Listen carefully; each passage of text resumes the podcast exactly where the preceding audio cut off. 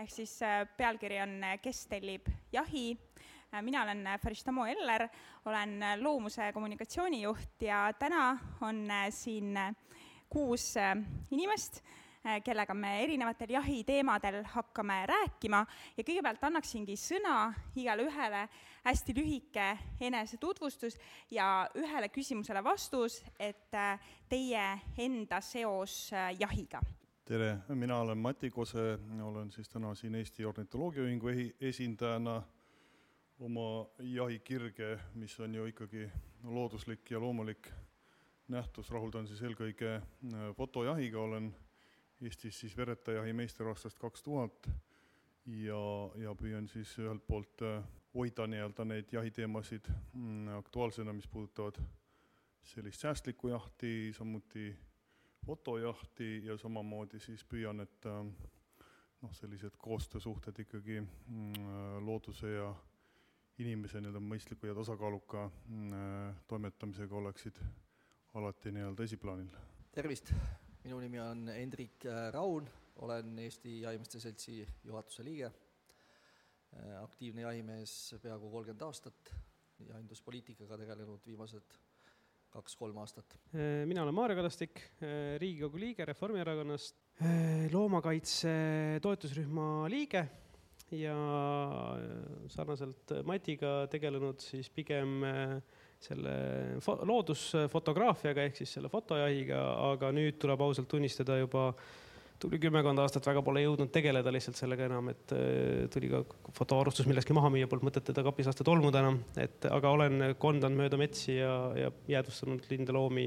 aktiivselt. tervist, mina olen Peep Männil, töötan Keskkonnaagentuuris eluslooduse osakonnas, ulukiseire töörühmas. Äh, esindan siin siis võib-olla laiemalt Keskkonnaministeeriumi haldusala Äh, kitsamalt võib-olla sedasama Ulukisjärve töörühma, olen töötanud sellel alal juba üle viieteistkümne aasta ja, ja jahiga on, on see väga palju seotud selles mõttes, et me tegelemegi peamiselt jahiulukite seirega ja tihe koostöö on jahimeestega selles mõttes, et jahimehed koguvad ju suure enamuse andmeid, mida jahiulukite seires, seires vaja on. isiklikult olen ma ka, ka jahimees, mitte enam ammu väga aktiivne ja ei ole kunagi ühtegi juhtorganisse kuulunud, et lihtliige tere, eh, minu nimi siis Eleri Lopp ja esindan eh, Eesti suurkiskjaid. minu seos jahiga on selline, et eh, päris pikka aega tagasi tööga seoses olen kokku puutunud väga palju jahiseltsidega. Ja sealt on ka selline minu võib-olla teadmised ja, ja selline ülevaade, mis üle-eestiliselt jahinduses toimub,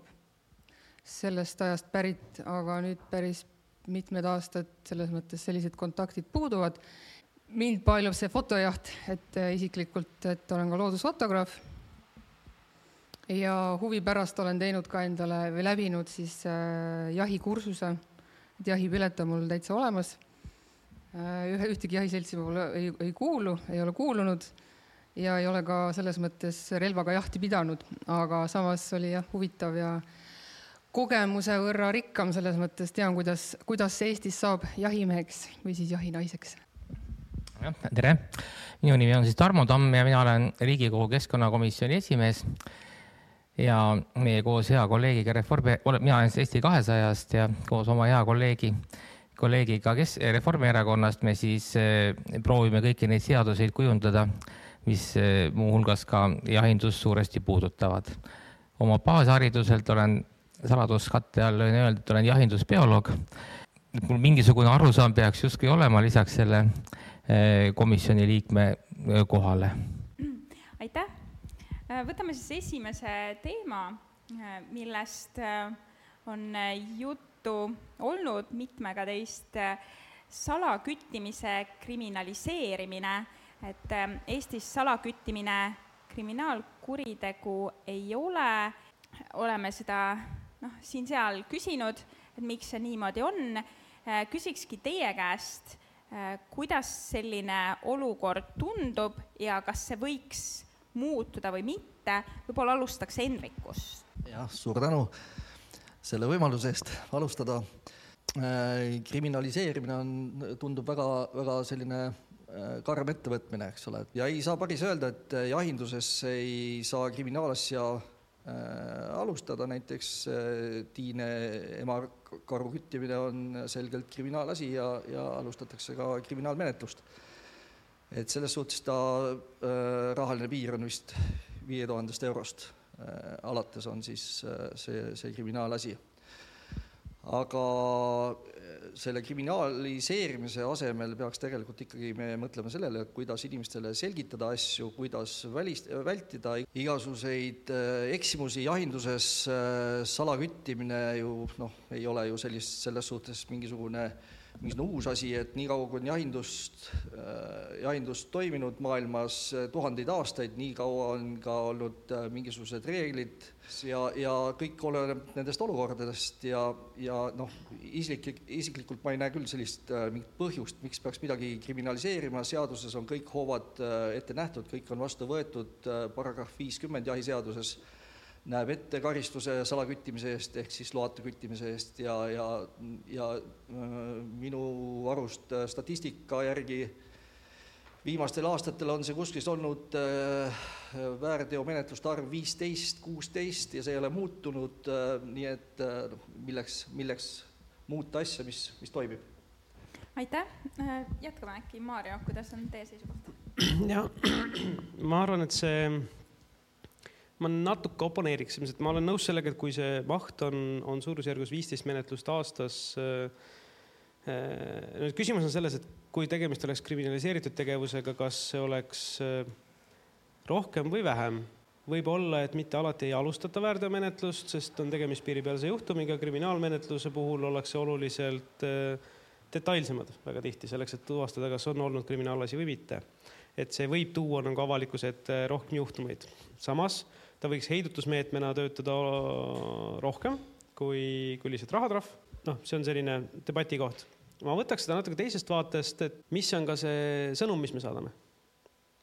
väärteomenetlus tähendab seda, et sa oled nagu,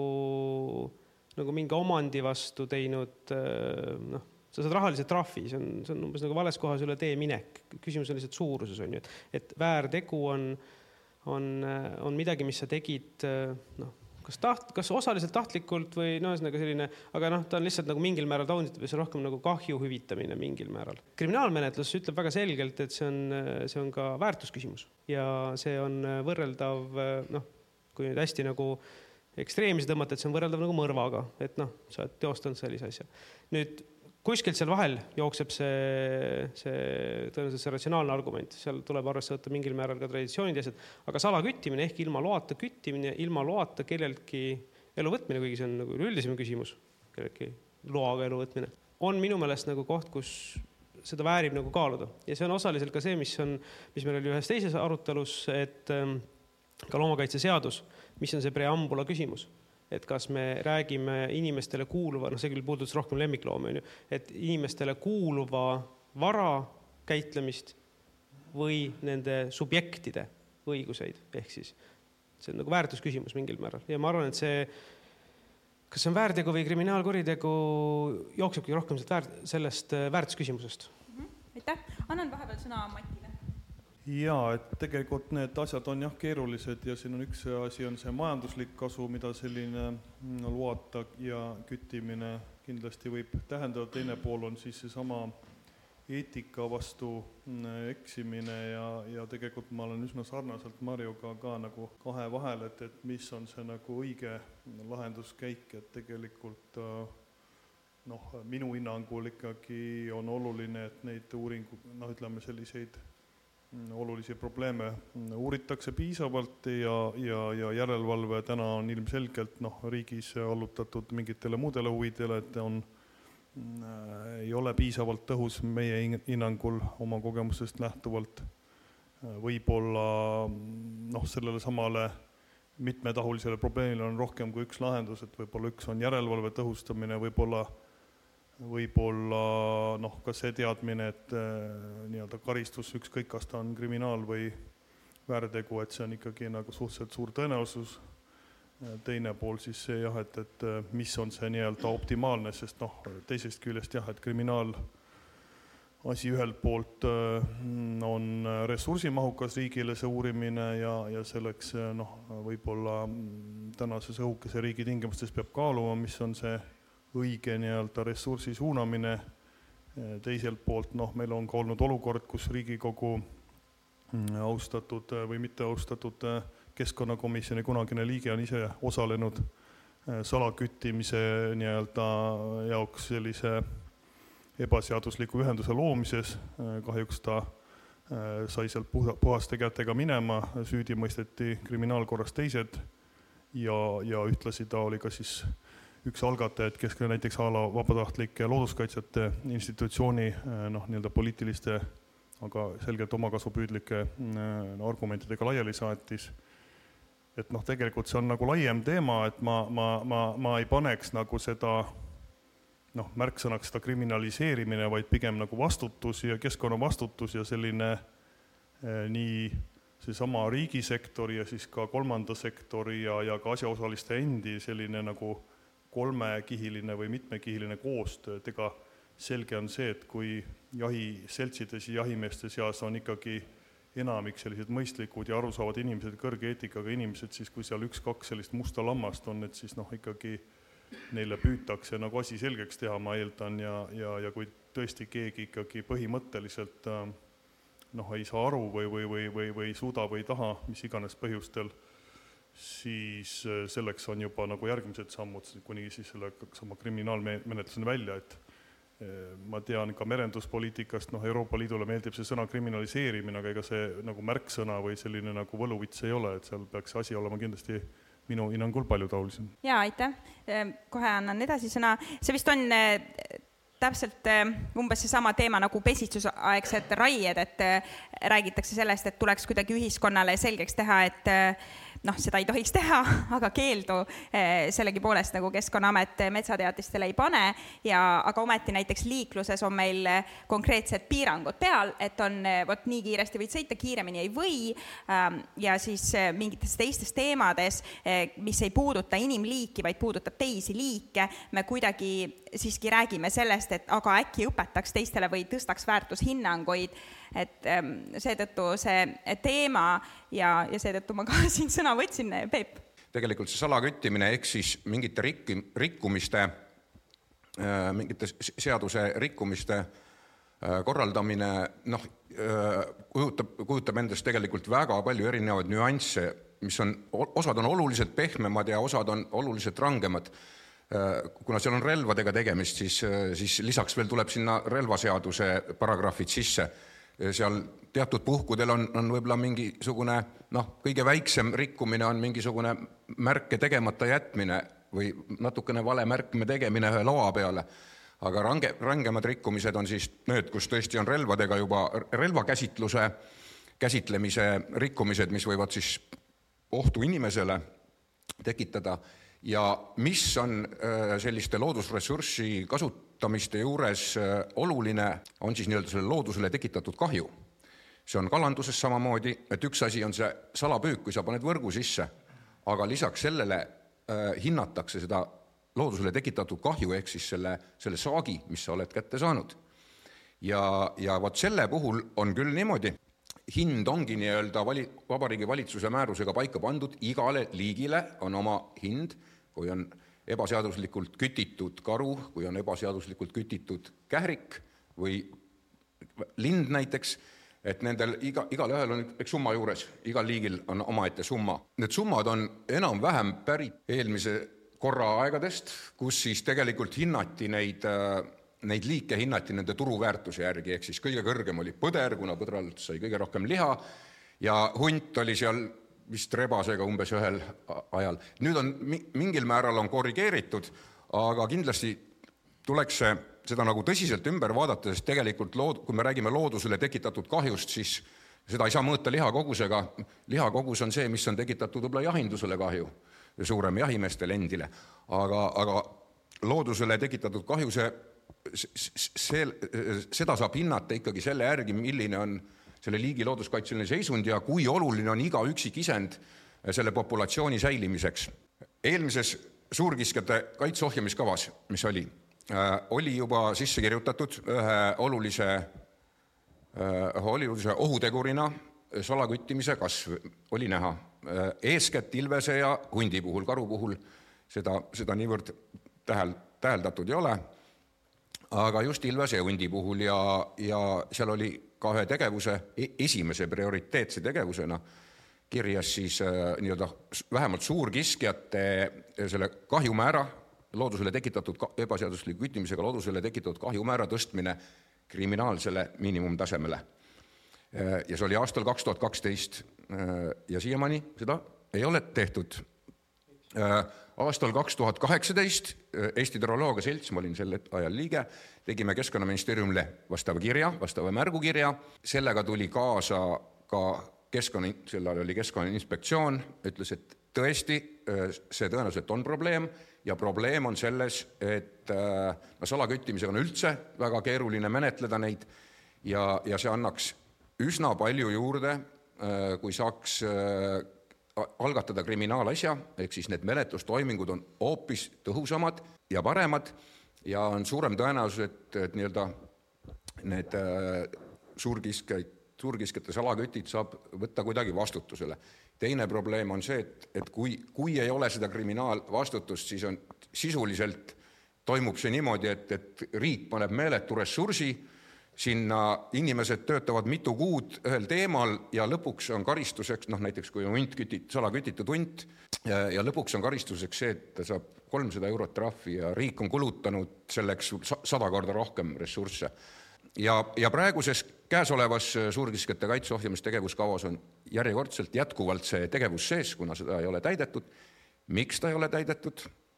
sellele küsimusele äh, äkki leiaks vastuse? ma ei vasta selge. jah, et äh, aga kas te teate, miks eeldab, seda ei ole tehtud? ma ütlen, et see eeldab, kõigepealt eeldab see jahiseaduse muutmist ja jahiseadust ei ole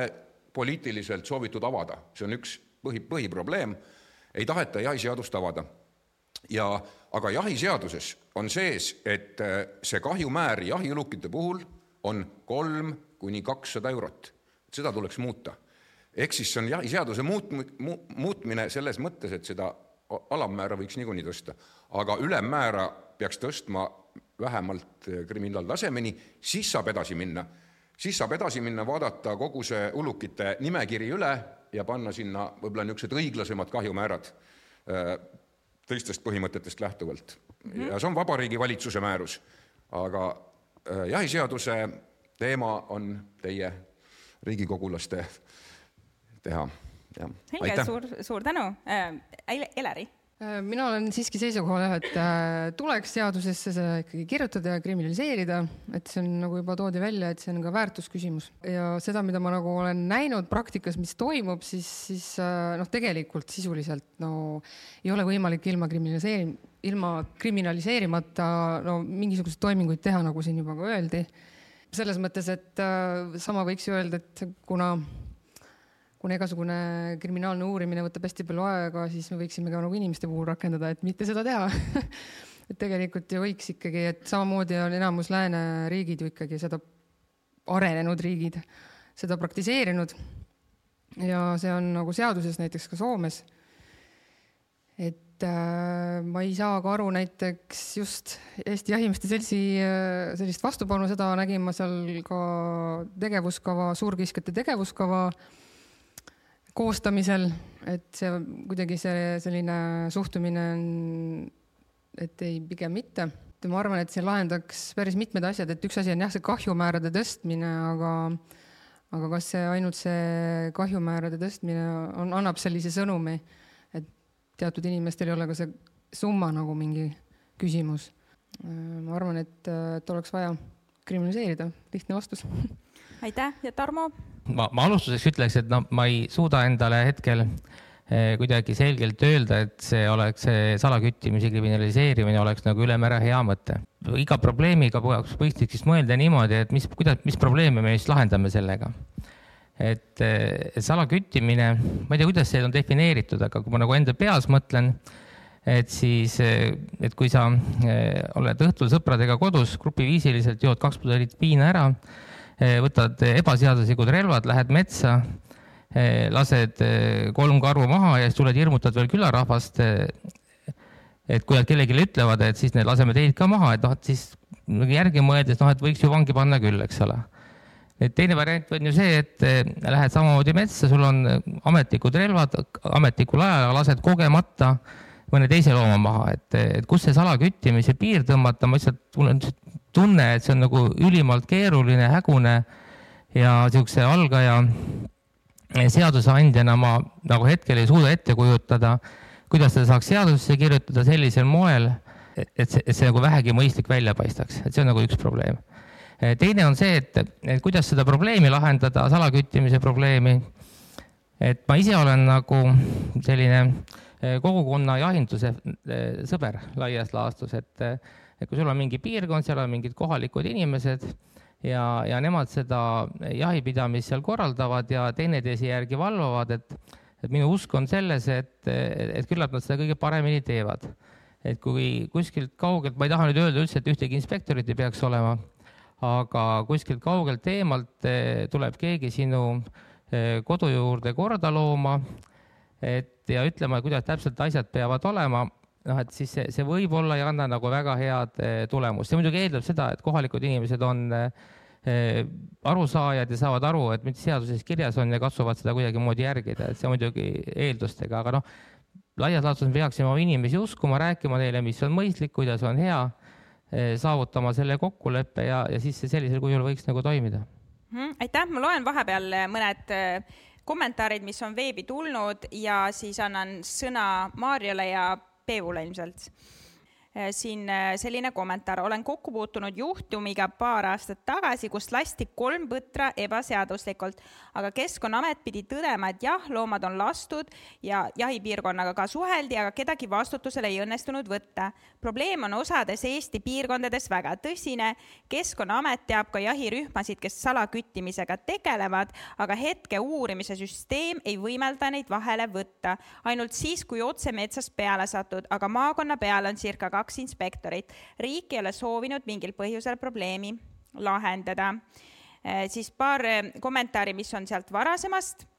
eh, noh, varasemate kommentaaride peale, et statistika viisteist juhtumit tuleb sellest, et väärteomenetlused enamasti ei leia süüdlasi üles, seda on kõnelenud Keskkonnaamet, Keskkonnaameti ametnikud ja ka järelevalve on väga auklik ning puudulik järgmine kommentaar, väide, et alkoholi ja narkojoobes sõitmise kriminaliseerimine pole olukorda üldse muutnud, eh,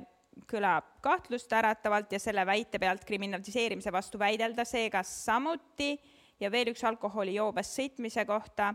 et alkoholijoobes sõitmisega on tähtsaks teguriks kontrolli puudus Tallinn-Tartu trassil, on pea kogu aeg politsei liikvel, samas mõnel muul teel ei ole neid eriti ja väiksematel teedel on väiksem oht vahele jääda ja vajadus koju sõita. sama ka salaküttide puhul, kogu küla teab, kes kütivad ja kogu küla teab ka, kelle pool inspektor saunas käib. sellised kommentaarid, Maarjo jah ja., ma võtakski siia selle, et et nende, need haakuvad mõnes mõttes nendega, mis ma tahtsin nagu kommentaariks tuua, tuua Tarmole, et, et ähm, see, kui sa kogemata lased karu, siis kui sul on väärteomenetlusega tegemist, siis sul on üks nagu kaalutlusaspekt ka endal, kui potentsiaalselt on kriminaalkuriteo äh, võimalus, sa võib-olla mõtled kaks korda rohkem, enne kui sa päästikule võtad, sest tegelikult võtame niimoodi, täna ei ole jaht element, millest sõltuks kellegi elu otseselt üldjuhul. selles mõttes, et kui sa jätad selle looma laskmata, sa tõenäoliselt ei sure nälga. et selles mõttes erinevalt nagu ürgajast, kus see nagu korreleerus päris hästi. et seetõttu nagu tuua sisse see kaalutluskoht, et et tegelikult noh, sa ikkagi võtad kelleltki elu, et see võiks olla läbi kaalutletud, kui sa ei ole kindel, täpselt ei tea, mida või keda sa lased, siis on olemas väga lihtne meetod ära lase. Äh, ehk siis ma arvan, et see toob ka seda kaalutlust rohkem, kui sellel päästiku vajutamisel on suurem tagajärg. Äh, teine aspekt on see, et äh, just see kogukondade teema, mina võtaks seda just vastupidi, nagu sealt ka välja toodud oli. kui kogukonnas on kõik hästi, siis inspektori käik ei mõjuta mitte midagi, sellepärast et kogukond saab inspektoriga kõik väga hästi aetud ja ei ole probleemi. kui kogukonnas on probleem, siis on see inspektori käik topelt vajalik ehk siis, siis on vaja, et see inspektor juuriks välja selle potentsiaalse jama ja korruptsiooni, mis seal sellisel juhul on. ehk ja just nagu kaugemast piirkonnast, et ei tekiks just nimelt seda ühises saunas käimise aspekti. et, et minu meelest need on nagu selles mõttes just need probleemid, mida lahendada, et see on ka see, millele ma viitasin selle statistikaga, et ma arvan, et tegelikult see statistika ala representeerib tegelikku probleemi suurust just nimelt tänu sellele menetlusele, sest olgem ka ausad väga tihti ei pruugita ka menetlust alustada just nimelt sellepärast, et see vahet on, see trahv on anyway väga väike. ja olgem ausad, kui trahv on suurusjärgus kolmsada euri, siis äh, näiteks meelelahutus või, või jahiturismi puhul see on mõttetu summa. kui keegi tuleb välismaalt siia, et lasta ilvest, siis tema jaoks see paarsada euri on, ta võib selle ette ära maksta, deposiit ja noh, vahet pole, onju. kui kogu tagajärg on raha ehk see mitte kuidagi ei demotiveeri seda tegevust ja noh, mina leian vähemalt, et sedasorti tegevus ei peaks toimuma. jah, et äh, jällegi kitsamalt rääkides suurkiskjatest, äh, mille või kelle osas on tehtud juba tükk aega tagasi väga konkreetsed ettepanekud. et, äh, et jah, ma toetaksin Elerit, ütles, et, et mujal Euroopas on, on see kriminaliseeritud ja tõesti, tõesti see nii on, et et üldiselt peetakse seda vähemalt Euroopa kontekstis täiesti loom-, loomulikuks, äh, et, äh, et suurkiskjate puhul on need, need äh, kahjumäärad kriminaalsel tasemel. ja, ja näiteks viimane dokument, mille see Euroopa Suurkiskjate Initsiatiiv tegi, kus mina ka sees olen, on just ka rahvusvahelises dokumendis välja toonud selle, et, et, et Balti populatsioonis on probleemid selles, et ei ole. on tegevuskavades on mitmetes sees ka rahvusvahelistes see, et, et et need suur, vähemalt, vähemasti suurkiskjate eh, need eh, kahjumäärad peaksid olema kriminaalsel tasemel ja jah. et eh, tegelikult me oleme arutanud seda, et üleüldiselt peaks kaaluma trahvimäärade indekseerimist just nimelt selleks, et ei peaks neid iga mingi aasta tagant seadust muutma. jah äh,, aga, aga ütleme, et salaküttimise kui tegevuse selline kriminaliseerimine, et ma arvan, et ma arvan, et see küll nagu hea mõte ei ole need on nii erinevad äh, tegevused, mis. oota no,, mis asi ei ole hea mõte? mõiste salaküttimine, see võib olla täiesti erinev äh, täiesti erinevad tegevused, ehk siis see ongi, ma, ütlesin ennem, et, et see võib olla, kui jäetakse kogemata mingi, mingi väike märge tegemata või, või näiteks, näiteks lastakse kährikkoer maha ja, ja unustatakse märk, märkimata sinna väikeulukiloale päeva lõpus ja kas selle, selle eest peaks siis kohe kriminaalkaristust tegema, loomulikult mitte. et, et et tegelikult see on mõeldud ikka selle peale, et need, need nii-öelda lood-, loodusele tekitatud kahjumäärad, et need tõstetaks ja osad neist, vähemalt suurkiskjad siis sellele tasemele, et saaks alustada kriminaalmenetlust. miks, eh, ma natuke selgitan, miks Jahimeeste Selts on olnud selle vastu, ongi just nimelt sellepärast, et tegelikult kui me võtame ütleme, et seda salaküttimine on, on laias laastus nagu kolm, kolme erinevat tüüpi esi, üks, üks tüüp salaküttimist on see, kus, kus äh, ühel jahimaadel käivad võõrad, teevad salaküttimist, tulevad kiiresti, lasevad põdra maha, lõikavad sealt kintsud ära, võtavad kaasa, viivad minema. Äh, see on üks tüüp salaküttimist ja seda see kohalik jahiseltskond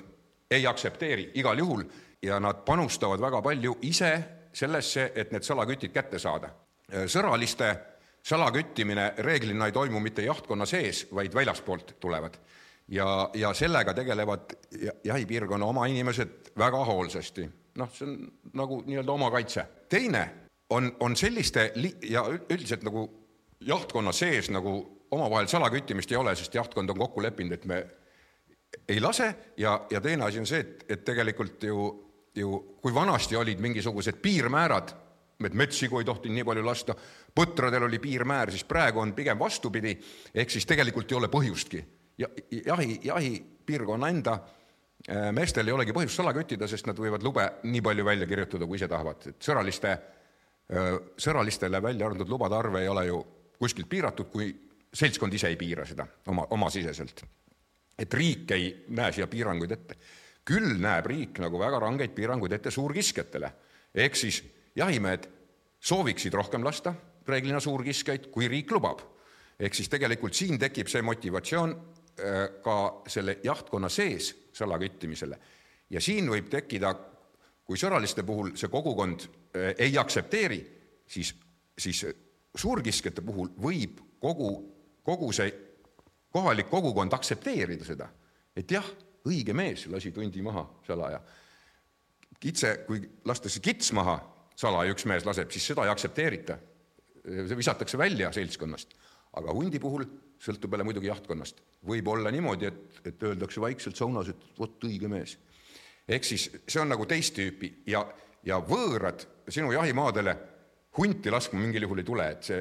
see, see on noh, see on mõttetu, esiteks sa ei saa sealt midagi ja see on seotud riskiga, et, et see on nagu jahtkonna sees. ja, ja, ja see on võib-olla see, kus riik peab nagu tõsisemalt silma peal hoid-, hoidma, sest seal jahimehed ise üksteist üles ei pruugi anda, kuna, kuna üleüldine soov on tegelikult rohkem küttida. ja kolmas, mida vast jahimehed kõige rohkem pelgavad, äh, on just nimelt see ekslik salaküttimine Äh, ehk siis, et,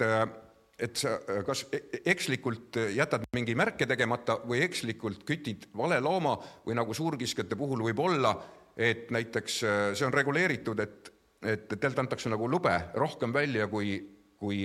lubatud küttida on ja on selged regulatsioonid, mis ajaks tuleb, kuidas sõnumeid teavitada ja peaaegu igal aastal juhtub, on mõni juhtum, kus, kus samaaegselt kütitakse kaks tükki, ehk siis ta läheb üle selle limiidi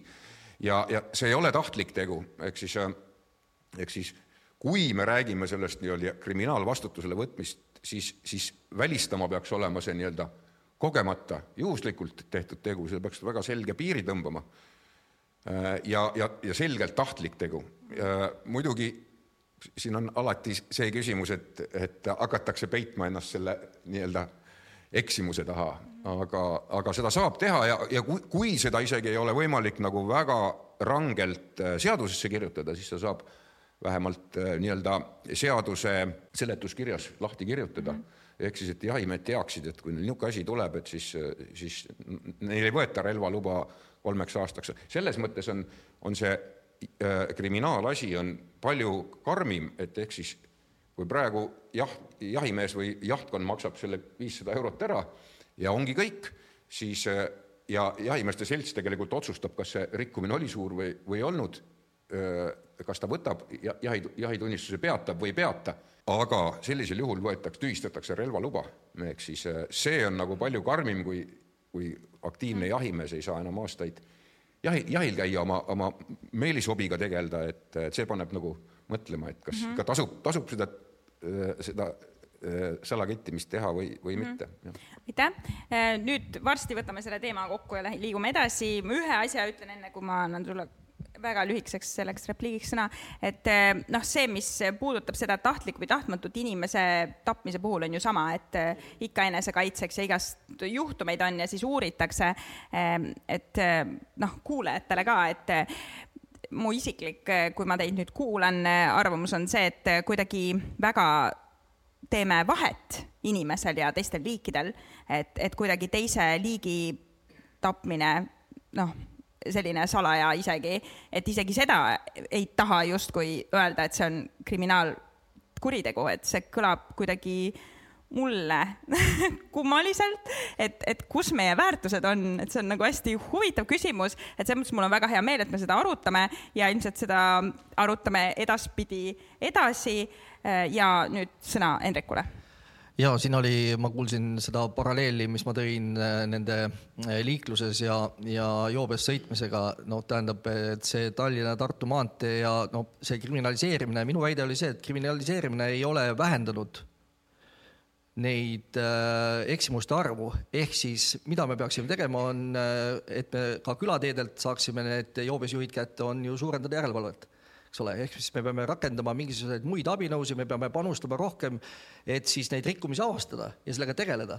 mitte, et me kriminaliseerime midagi ja siis automaatselt hakkavad asjad juhtuma, et nüüd mitte midagi enam keegi, keegi, keegi nii-öelda ilma loata jahile ei lähe. et see, see, see ei lahenda probleemi mm. -hmm ja, ja me peame igal asjal mõtlema alati sellele, et mis eesmärki see otsus täidab ja, ja kuhu me sellega jõuame ja, ja palju see ressurssi nõuab ja nii edasi, et, et see ei ole nii üheselt äh, nagu mõistetav, et kriminaliseerime ja see lahendab kõik mm. -hmm, aitäh, üks äh, kommentaar veel, et nagu mõned panelistid on maininud, elusolendilt elu võtmine ei saa olla kergekäeliselt tehtud tegu ja see, kui keegi unustab üles märkida looma, kelle ta tapab või kogemata laseb vale looma, ei tohiks olla leebelt võetav asi. aga liigume edasi. järgmiseks, meil on teemasid tegelikult päris palju mõeldud, et ma võtan neid natuke, grupeerin kokku. võtaks nüüd järgmiseks selle, et kaitsealused liigid, kes on jahiulukite nimekirjas ja nendega koos ka siis need, kes on ohustatud liigid või on siis ebasoodsas seisundis liigid, ärme räägi praegu konkreetsetest liikidest, kuivõrd üldiselt nagu põhimõttest, et kuidas on teie suhtumine sellesse, kas sellised liigid võiksid või peaksid olema jahiulukite nimekirjas või tuleks sellega kiiremas korras tegeleda, üle vaadata, võib-olla korda teha ja, ja võib-olla tõesti teeme natuke lühemaid kommentaare, et siis saame rohkem teemasid läbi rääkida ja ma annan kohe Matile sõna. ma, ma võib-olla selles mõttes alustan sellega, et kuna seda teemat ma olen kliimaministriga arutanud Eh, siis eh, tundus meile ka väga jabur, et kuidas saab olla korraga mõlemas nimekirjas. ja siis me palusimegi, et te saadaksite selle nimekirjad, et me saaksime selle edastada siis eh, ministeeriumisse, kes saaks selle üle käia, sest kui ma õigesti sain aru, see on ministri määrusega määratav nimekiri. ehk siis teeme korda, aga kui tulevad head põhjused, miks ta võiks olla, siis noh, minu idee oleks see, et pigem sellisel juhul eriload, kui selleks on mingi reaalne argument olemas. ja selle nimekirjaga äh, me oleme seda nimekirja nagu analüüsinud, äh, teinud äh, jahiulukite nimekirja nii-öelda lahti ja iga liigi kohta vaadanud, et siis mis olukorras ta on ja kuna neid kuidas öelda, neid teisi nimekirju nii lihtsasti nagu kätte saada ei ole, siis seetõttu ähm, meil seda täielikku nimekirja veel valmis pole, sellepärast et need Euroopa Liidu direktiivid me vaatame ka äh,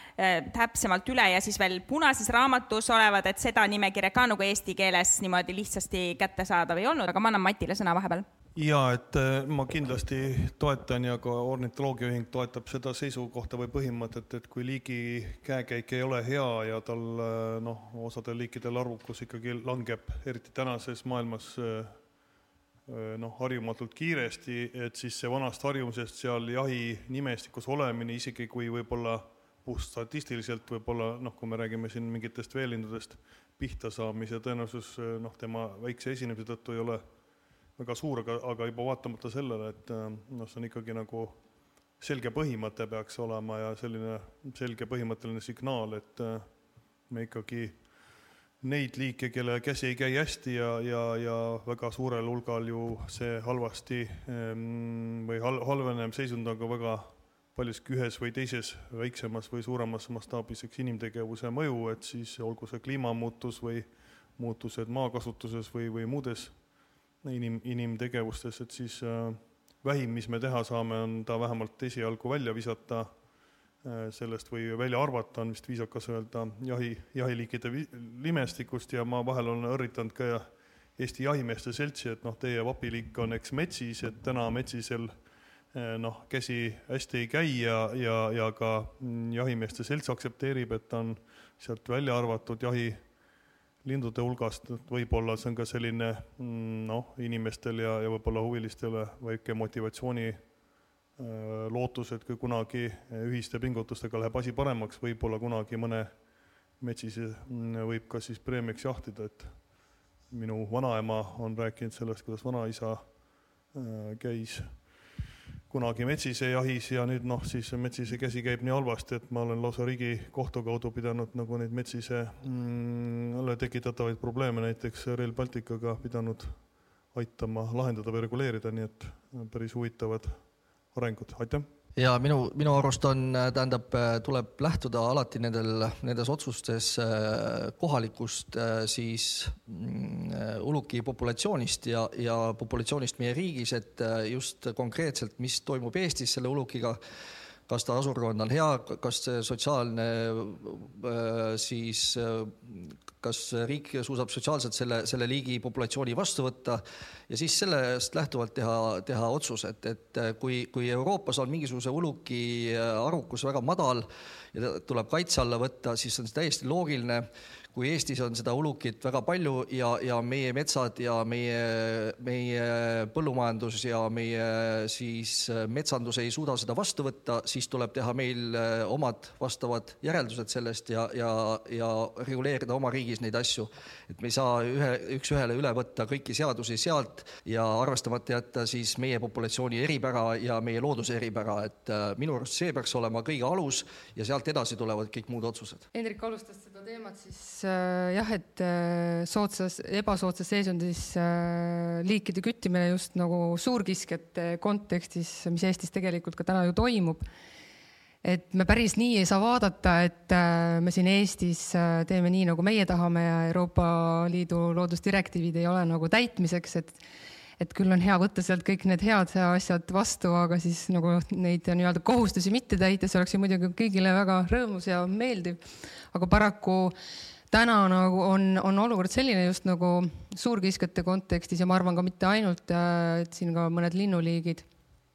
et, äh, et direktiiv on see, mis äh, ütleb, et nad on kaitsealused liigid. Nende küttimine saab olla ainult väga tugevalt ja rangelt erandkorras eriti kui nende jah, nii-öelda kaitsestaatus on äh, nii-öelda ebasoodne. ja jah, et selles mõttes, et siin me rääkisime enne salaküttimisest, aga noh, ma ütleks niimoodi, et suurkiskjatega seoses on pigem probleem see legaalne salaküttimine, et me ei täida direktiive ja me ei ole nagu eriti näiteks lisa nelja liike direktiivist äh, näiteks karu puhul me ei ole jahiseaduses neid määruseid üle võtnud. et me lihtsalt eirame direktiive ja rikume seadust tegelikult. direktiiv on nagu ülimuslik, et sa ei saa nagu äh, sellest äh, ümber vaadata ja noh, selles mõttes, et, et noh, see on soovmõtlemine, kui et soov, et sotsiaalset taluvused, et kuidas, kuidas me nagu seda nii-öelda siis äh, mõõdame. et tegelikult ju noh, samamoodi on päris palju nagu kohtulahendid selle koha pealt, et me ei saa, et see ei ole aluseks, et kui, kui keegi ütleb, et ta kardab karu, et nüüd tuleb need maha lasta, eks ole, et et äh, nagu seal äh, eile meil seal paneelis oli, et Soomest tuli välja, et, et piisab ainult noh, põhiline põhjus, miks äh,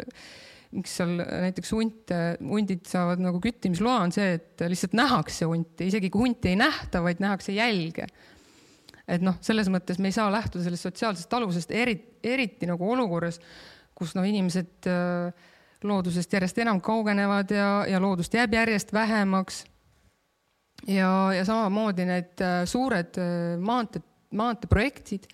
sama Rail Baltica, piiritarad, kõik see on see, mis nagu mõjutab mitte ainult nagu suurkiskjat, ka tegelikult teisi loomi.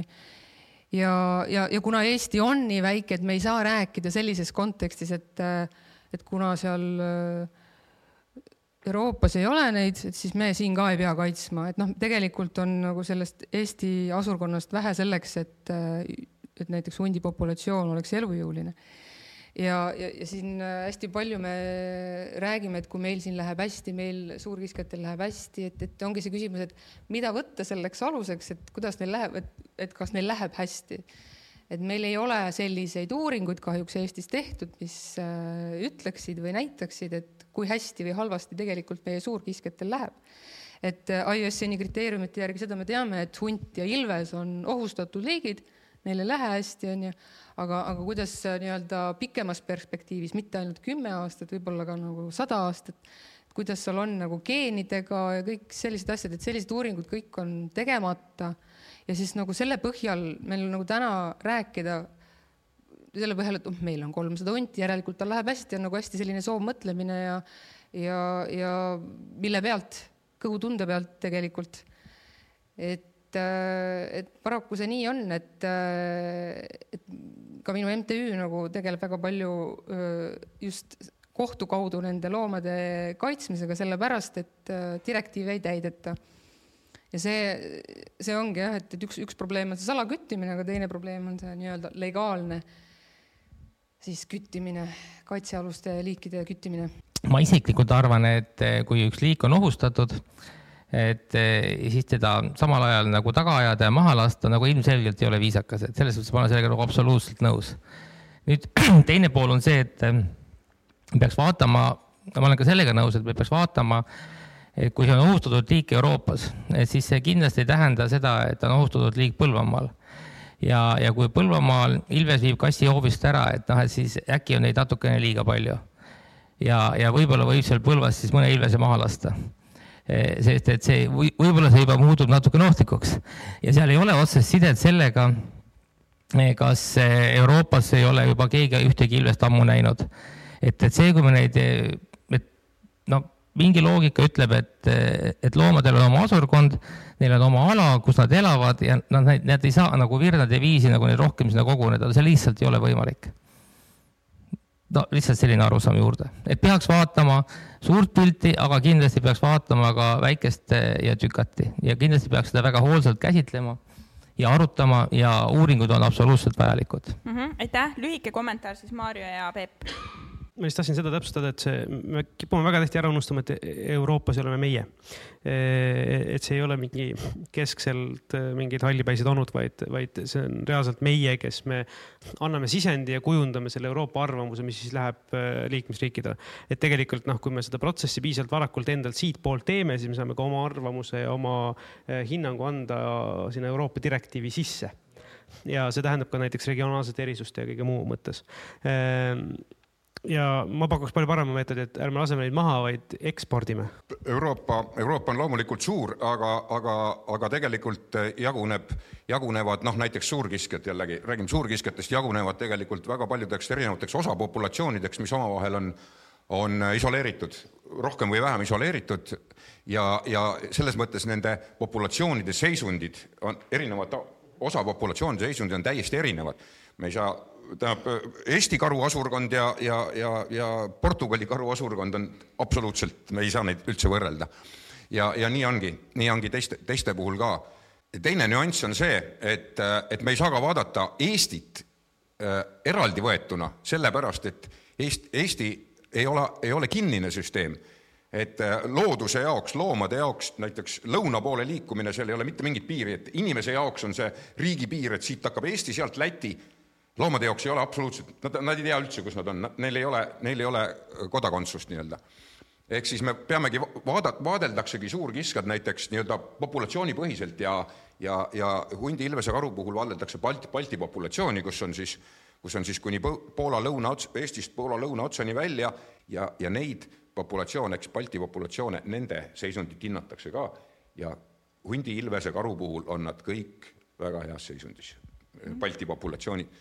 mis ma tahtsin ütelda selle, selle äh,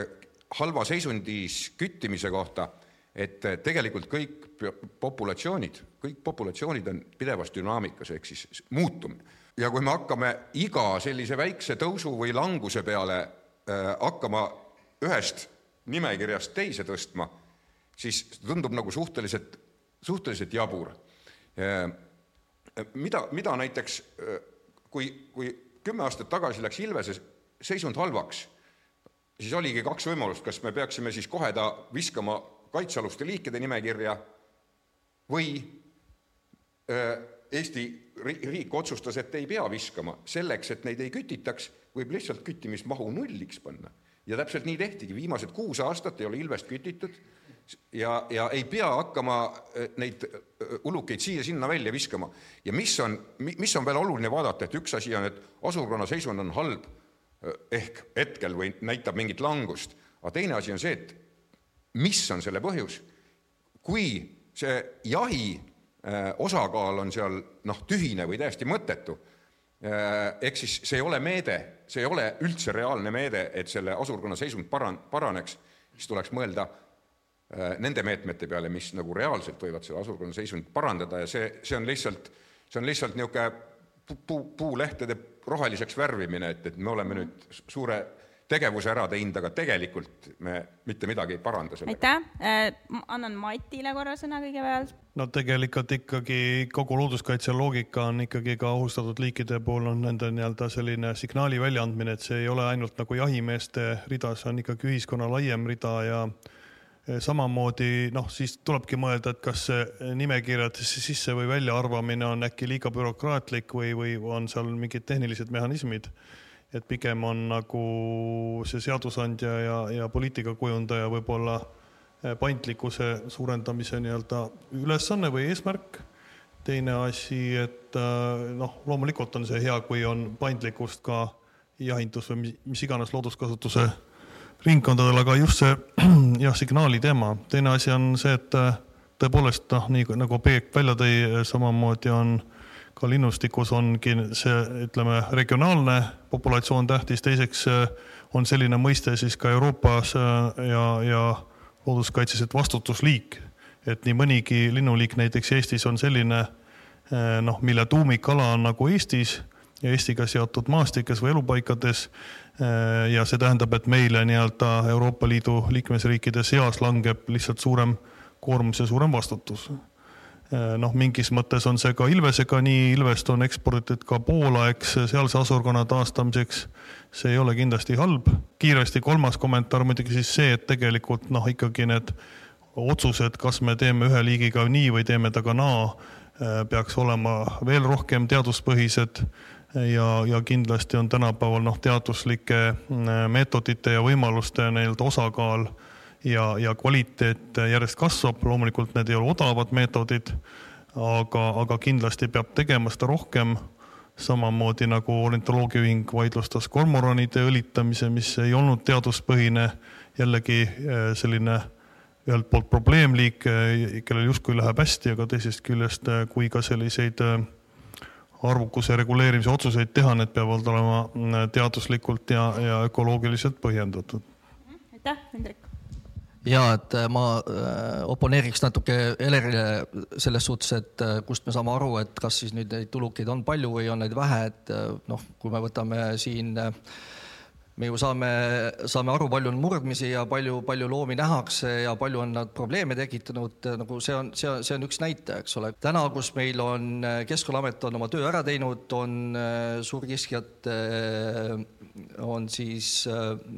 eeskiri on kokku lepitud need mahud ja, ja on ju selge, et kui ühes maakonnas viiakse üks koer keti otsast ära öösel, okei okay., aga kui neid juba kümme, viisteist ära viiakse, siis on järelikult on kuskil on mingi probleem, eks ole, ja jahimees on just nagu sotsiaalses mõttes sellel, selle nagu riigi ja, ja tavakodaniku vahel ja meie käest küsitakse ja me, kui arvukus läheb suureks, siis on just jahimees see, kelle poole pöördutakse, et kes peab selle arvukuse viima siis tasakaalu jälle. Mida, mida siis on ühiskonnal äh, võimalik vastu võtta. Ja, ja noh te,, tegelikult ei saa nii öelda, et me ei tea, kas on ulukeid palju või vähe. Tegelikult seda, seda, seda saab väga hästi selgeks teha. Äh, jah, et see kõigepealt siis see Balti populatsioonis, et suurkiskjad justkui mõned liigid oleksid siis soostes seisundis, aga ma tuleks, tuletaksin Peebule meelde ja ka teistele, et selles mõttes, et Euroopa Liidu ühendid näit-, näevad ette, et peab olema tehtud mitte ainult siis riigipõhised tegevuskavad, vaid ka näiteks populatsioonipõhised ehk siis Balti populatsioonil peab olema nagu tegevuskava ehk siis hundi Balti populatsiooni tegevuskava,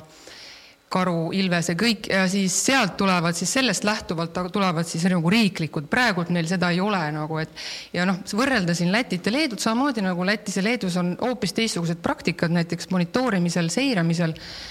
Et äh, seal on omad teemad samamoodi, seal on äh, kohtud ja asjad ja seal on ka Ilvese jaht Lätis äh, minu teada lõpetati ära, et et selles mõttes äh, ongi, et vähe on teadust, on, meil on küll nagu selliseid tead-, nagu arvamusi, ütleme siis äh, suurkiskjate arvukusest, aga vähe on teadust sellel teemal. Et äh, Hendrikule ka ongi see sõnum, et noh, selles mõttes loomulikult tegelikult tõesti jahimeeste arvamus on oluline selles mõttes mõnes mõttes, et mis, mis nende kõhutunne ütleb või kuidas neile tundub või mis, mis on, aga samas sellele peab nagu see otsuste tegemine selliste nii-öelda tapmisotsuste tegemine peab põhinema teadusel, et seda ei saa nagu päris selle järgi nüüd otsustada, et Põlval on hästi palju hunte, et, et kellegi arvamuse põhjal ehk siis, äh, et seda teadust täna Eestis ei ole sellisel tasemel, et me saaksime nagu öelda, et, et kas kuskil on palju või vähe. et, et päris nagu ma seda nagu ei poolda, et, et lihtsalt kõhutunde järgi või et jahimeestele tundub, et on palju et, et, et, et, et noh, ma, saan aru, aga alles Eestis näiteks ei ole uuritud seda, et äh, kui palju näiteks hübridiseerumist huntide seas või kuidas, kui suurt elupaika üldse näiteks karud äh, eelistavad, kui, kui või mida nad üldse toiduks vajavad, et, et see näide sealt aastaid tagasi, eks ole, täna on nagu olukord absoluutselt muutunud. et me ei saa võrrelda seda, et täna on nagu inimene praktiliselt igale poole oma käe sisse torganud ja reguleerib seda loodust äh, nii, et vähe ei ole, et me nagu ei saa võrrelda seda, et selles mõttes, et, et ja see ongi nagu ühtepidi nagu meil on nagu hunte maailmas on nagu tõesti, ta, ta pakub inimestele huvi ja seda on tohutult palju uuritud, aga samas nagu me otsustes ei võta nagu arvesse neid uuringuid no,. täiesti lihtne uuring, et, et, et küttimine ei ole tõhus viis kahjustuste ärahoidmiseks. selleks on aastakümneid, noh, Yellowstone'ist alates Saksamaalt, kust iganes, näiteid, tõestusi see küttimine ei ole tõhus. küttimine on selles äh, valguses ainult see, et pole looma, pole probleemi, aga see küttimine ei tekita seda koos eksisteerimise nagu sellist äh, õhustikku et me peame nagu koos eksisteerima, et kui meil nagu lambakasvatajad, meil on sada tuhat lammast, kakssada hunti, et nagu me ei saa nagu siis, mis on see siis see piir on ju, et, et üks kahjustus tapame hundi ära. et noh, selles mõttes see, see ei ole nagu okei okay, minu arvates ja, ja, ja selles mõttes ongi, et need kariloomade kasvatajad saavad nagu toetusi, saavad äh, nii-öelda parandada oma aedikuid, saavad võtta karjakaitsekoeri ja seda on tehtud ja, ja üldiselt äh, kariloomade kasvatajad väga ei nurisegi, vähemalt nii palju, kui mina nagu nendega suhelnud olen. Et, äh, et need, kes äh, on, on eeskujulikud ja teinud neid meetmeid korda ja võtnud kasutusele, nendel ei ole probleemi et äh, siin selle direktiiviga seoses siis tegelikult ikkagi paraku nii on, et äh, kui direktiivi järgi ta on ikkagi looduskaitsealune liik, näiteks hunt on äh, lisa viies, see tähendab seda, et enne nagu tapmisotsust tuleb teha ära üks kontroll ja see kontroll on see, et kas see liik on soodsas seisundis või ei ole soodsas seisundis. Eestis ei ole hundi seisund soodne juba mitmeid aastaid, aga me anname juba nagu üldised põhimõtte, üldiste põhimõtetega anname küt-, tapmislubasid. kaks tuhat kakskümmend pooled hundid, kaks tuhat kakskümmend kaks, ka pooled hundid. et nüüd ilmselt kaks tuhat kakskümmend kolm tuleb veits vähem, ma ennustan. et samamoodi on karu, karul on samamoodi, et direktiiv näeb ette, sa pead tegema enne kolm tšekki, kolm nii-öelda kontrolli et äh, mida ka karu puhul ei ole tehtud, et noh, selles mõttes see nagu Peep ütles, ärme selle lasku, et me kohtus vaidleme need asjad sirgeks. jah, teaduse koha pealt tahan ma öelda, et, et Eesti on tegelikult äh, päris tugev koolkond on Tartu Ülikoolis, kes on tegelenud suurkiskjate uuringutega, noh, pea, peaasjalikult küll geneetikaga, aga, aga mingeid muid uuringuid seal olnud ja ja, ja rahvusvaheliselt äh, on ka Eesti päris palju panustanud nendesse teadusuuringutesse, mis puudutavad suurkiskjaid, nüüd selleks, selleks, et hinnata asurkonna seisundit, selleks ei ole vaja teha uuringuid, selleks äh, tehakse inventuure või siis populatsiooni seiret ja ja Eestis tehtav äh, suurkiskjate seire on, on kindlasti äh, üks, üks äh, parematel tasemetel olevatest, kui me vaatame Euroopa konteksti, noh, vähemalt kindlasti seal esi, esikümnes, hoolimata sellest, et meil on suhteliselt tagasihoidlikud vahendid selleks, noh, kui me võrdleme Põhjamaadega näiteks, on ju, et need noh, kui me mingid geneetilised meetodid rakendada, et need on, need on nagu oluliselt kümnetes kordades kallimad äh, ja, ja nad ei anna kuidagi oluliselt paremaid tulemusi kui see, mis meie teeme. Ja, ja seesama, sedasama teevad näiteks ka rootslased ja soomlased, see on põhialus, on ju,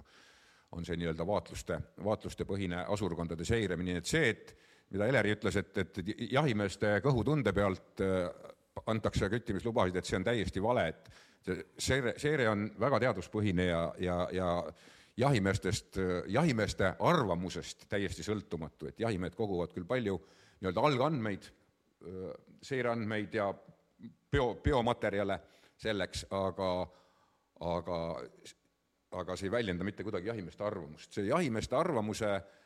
arvamuse järgi ulukite loendamine, see, see lõppes ära kahe tuhandete alguses juba, jah, tõesti, viimased,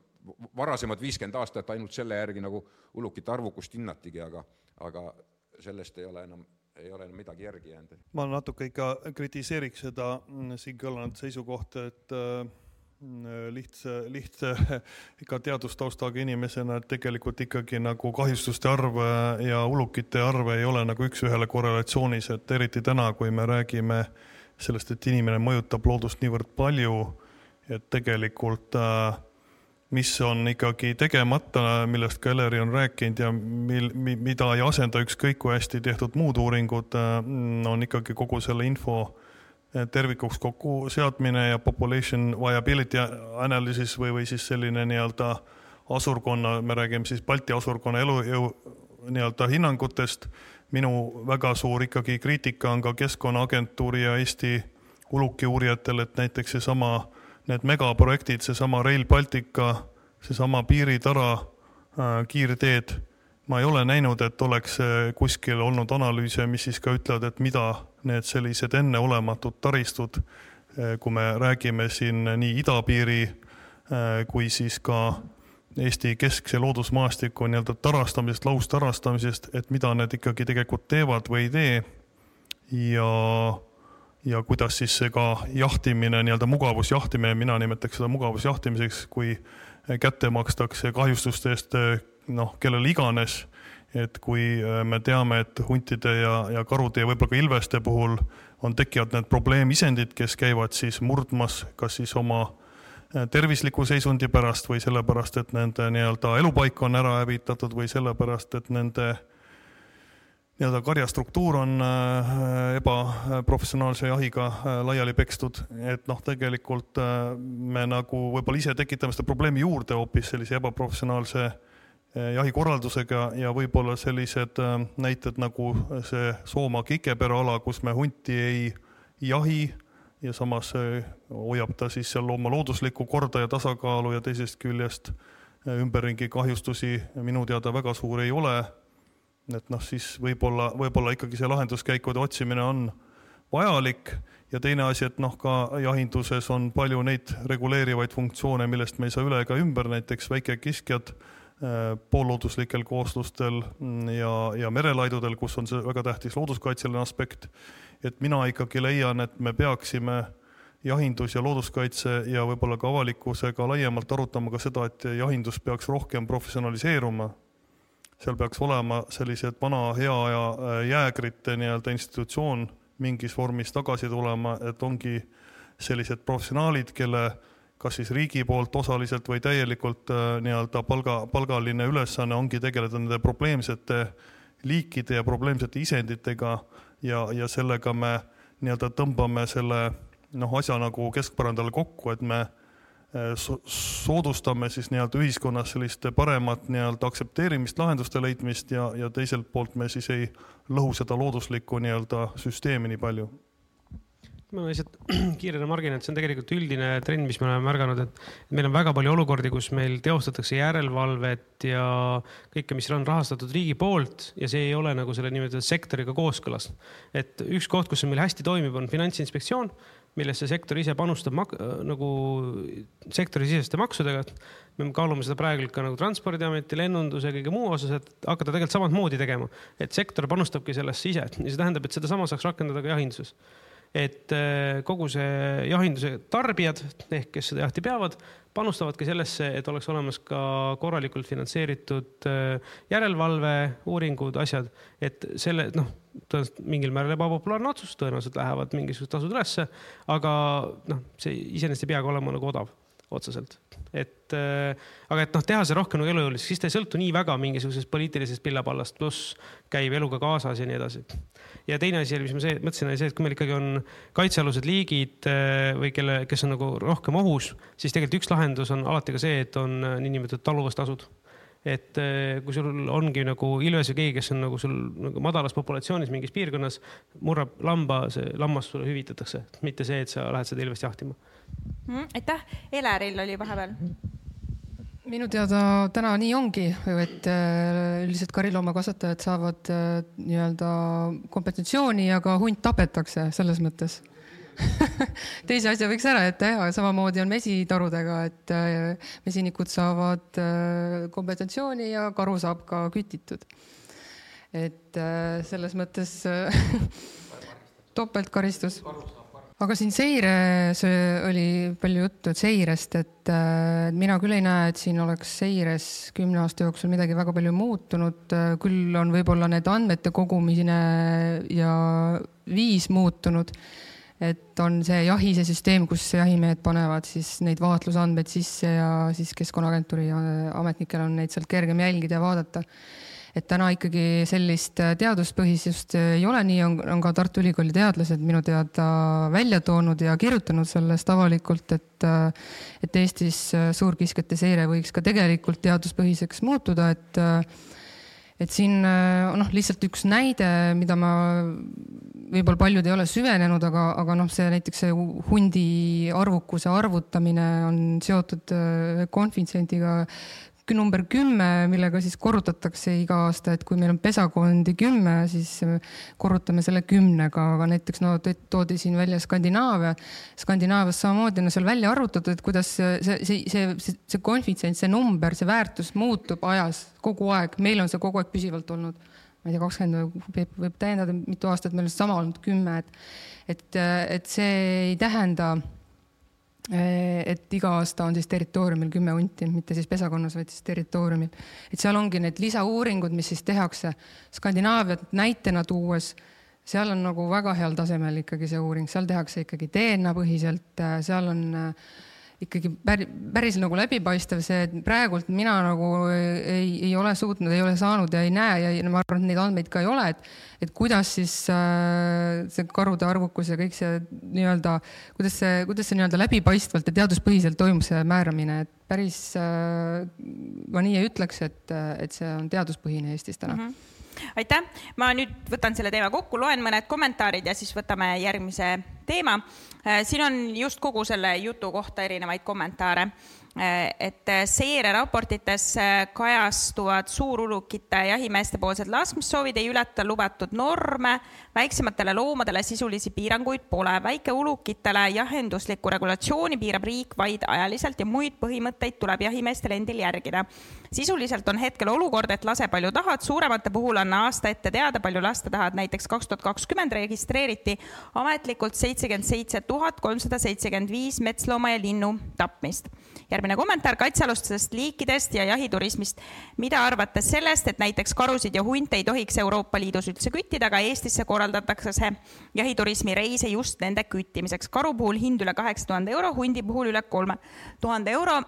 liigume jahiturismi juurde. järgmine kommentaar, murdmine ja loomade nägemine ei saa ainuke argument olla, tuleb vaadata, kas seda, kui palju omanikud teevad enda loomade kaitseks, sellest oli siin juttu ka, elektrikarjused, loomade sissetoomine ööseks ja muud sellist. kuniks pole teaduslikke töid, siis ei saa ka loomade nägemisele toetuda. Eestis vist on viimastel aastatel ainult kolm hundikarja, kes jahist on pääsenud, ülejäänute puhul toimub hundikarjade liikmete küttimine ja sealt osad suurkiskja probleemid hundiga alguses saavad. ja siis viimane, mille ma ette loen, ehitagu tara ette, kui murdmisega on probleemid. liigume edasi, äh, panen kaks teemat kokku, äh, jaht kui meelelahutus ja kes tellib äh, jahi. hästi palju, kui on tulnud juttu sellest, et aga jahiturism või, või siis äh, jahi, noh, trofeejaht või äh, siis äh, pidevalt on vastus see, et aga ühiskond tellib jahi. Ja siis küsingi teilt siis noh, kaks küsimust, mille te äkki suudate niimoodi kompaktselt ühte vastusesse panna oma seisukoha või oma organisatsiooni seisukoha,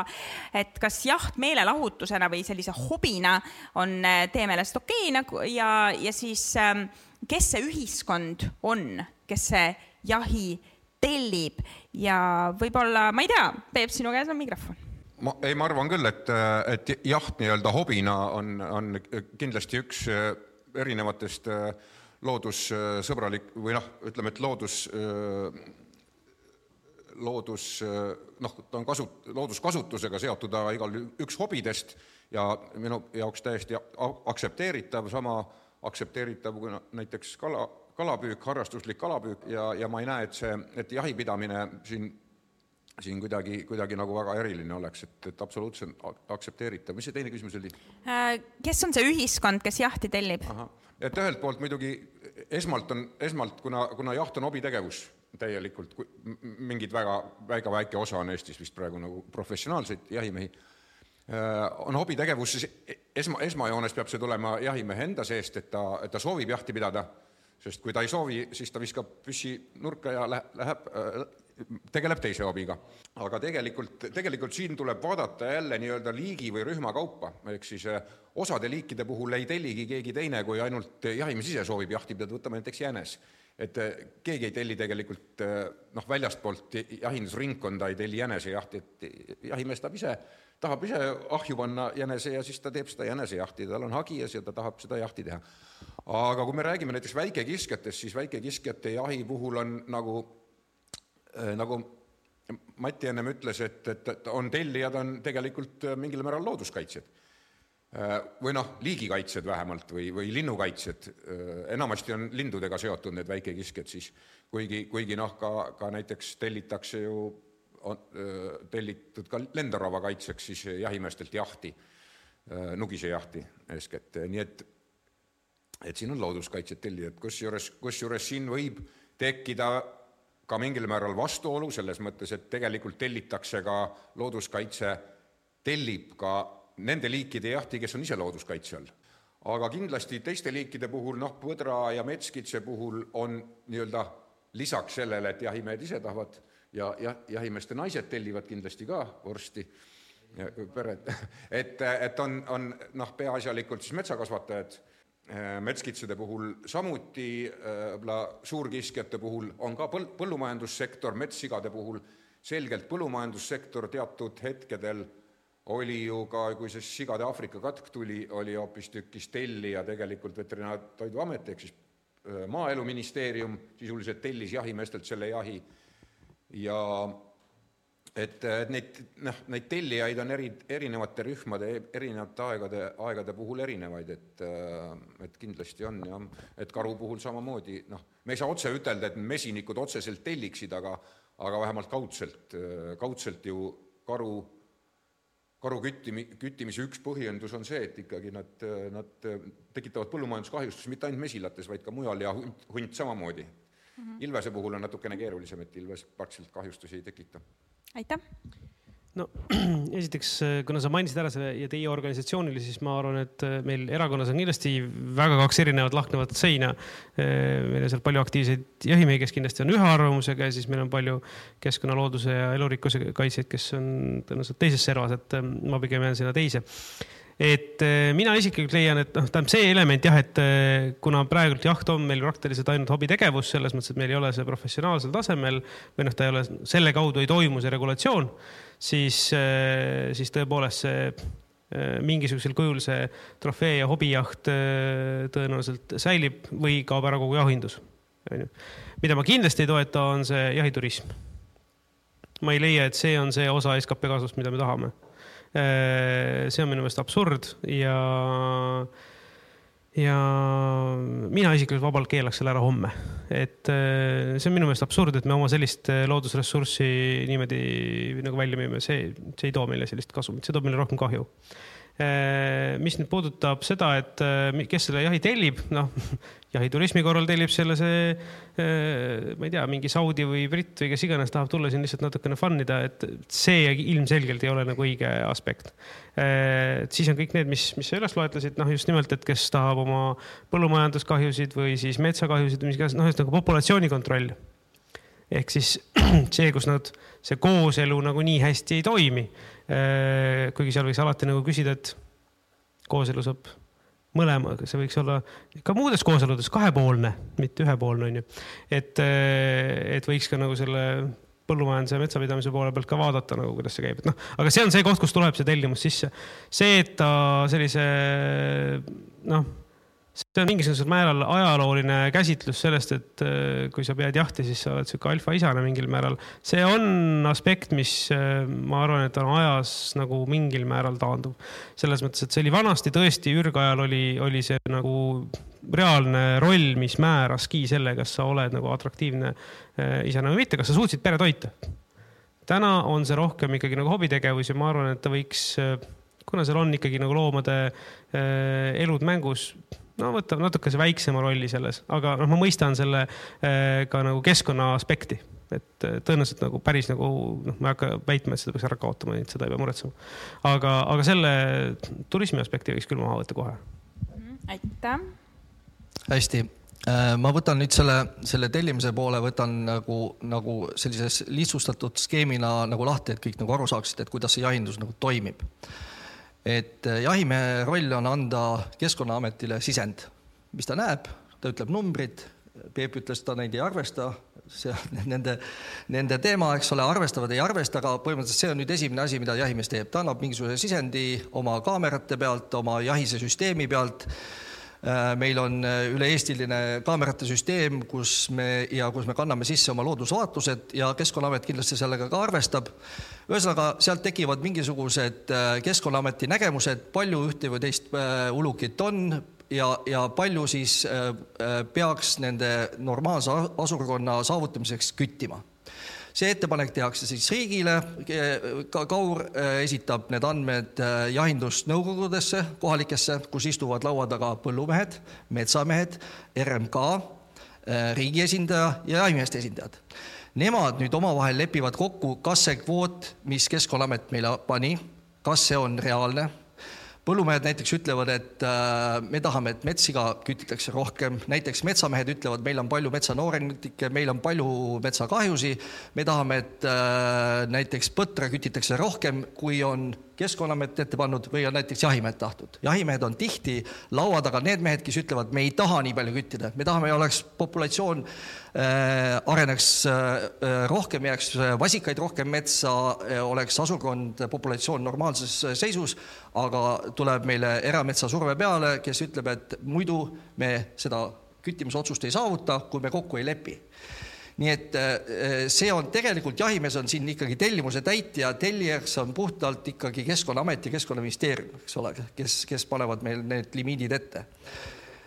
jah, ja erasektor. puhul selge, et erasektor, aga ma tahan täpsustada, suurkiskjate puhul äh, ei ole tellimust selles mõttes, et suurkiskjate puhul pannakse ette maksimumpiirmäär. just, täpselt. Ja, ja, ja, ja suurkiskjate puhul on teistmoodi, me võime küsida seal ükskõik mida, seda annab ikkagi Kaur ja Keskkonnaamet otsustab. Seda, mitu äh, suurulukit või siis mitu kiskjat siis äh, kütitakse. et see on rangelt reguleeritud, siin ei ole jahimehe tahtmist ega mitte midagi pistmist et kõigil on niisugune tunne, et jahimees tahab jubedalt midagi küttida, tegelikult meil need kvoodid on ees, need kvoodid lastakse, räägitakse selgeks ja need räägitakse põllumajandusega, metsandusega, RMK-ga, räägitakse kõik läbi ja pannakse need asjad paika. sama puudutab ka seda jahiturismi, ega see jahiturist ei tule, siis laseb nüüd sealt mingist kvoodi välist või mina leppisin kokku, et tuled, lased selle, selle metsa maha. see on ikkagi sellest samast kvoodist, mis on riik meile eraldanud või tähendab, mis on meile kohustuseks pandud, sellest samast kvoodist kütib nüüd selle turist ära ära. et, et siin ei ole tegelikult selles suhtes mingit vahet, ta jah, jättis rohkem raha siia, millest saab jahimees siis oma majandustegevust äh, pidada ja nii edasi. et, äh, et äh, suures piiris on niimoodi see süsteem toimib. Mhm, aitäh, Mati ja et ma olen ka Marjuga seda meelt ja Eesti Ornitoloogia Ühing eriti, mis puudutab noh, nagu sellist linnujahti, et see läks siin enne Covidit ikka täiesti nagu lappama ja, ja põhjused olidki selles, et riik keeldus reguleerimast nagu kaitstavate lindude nii-öelda mm, noh, laskelimiite ja lasketingimusi isegi Natura kaitsealadel, et noh, see asi oli ikka väga halb. teiselt poolt ma kindlasti kutsun üles ka äh, jahimehi noh, ütleme koostööle ja, ja, ja tulevikku vaatama selles mõttes, et äh, vähem sellist nii-öelda mm, jahiturismi ja, ja jahti kui hobi rohkem professionaalset jahti ja tegelikult uskuge mind, et äh, et ega, ega loomast hea pildi saamine on tänapäeval vaata, et vaatamata tehnika võidukäigule vaata et veel suurem väljakutse kui tema ühekordne äralaskmine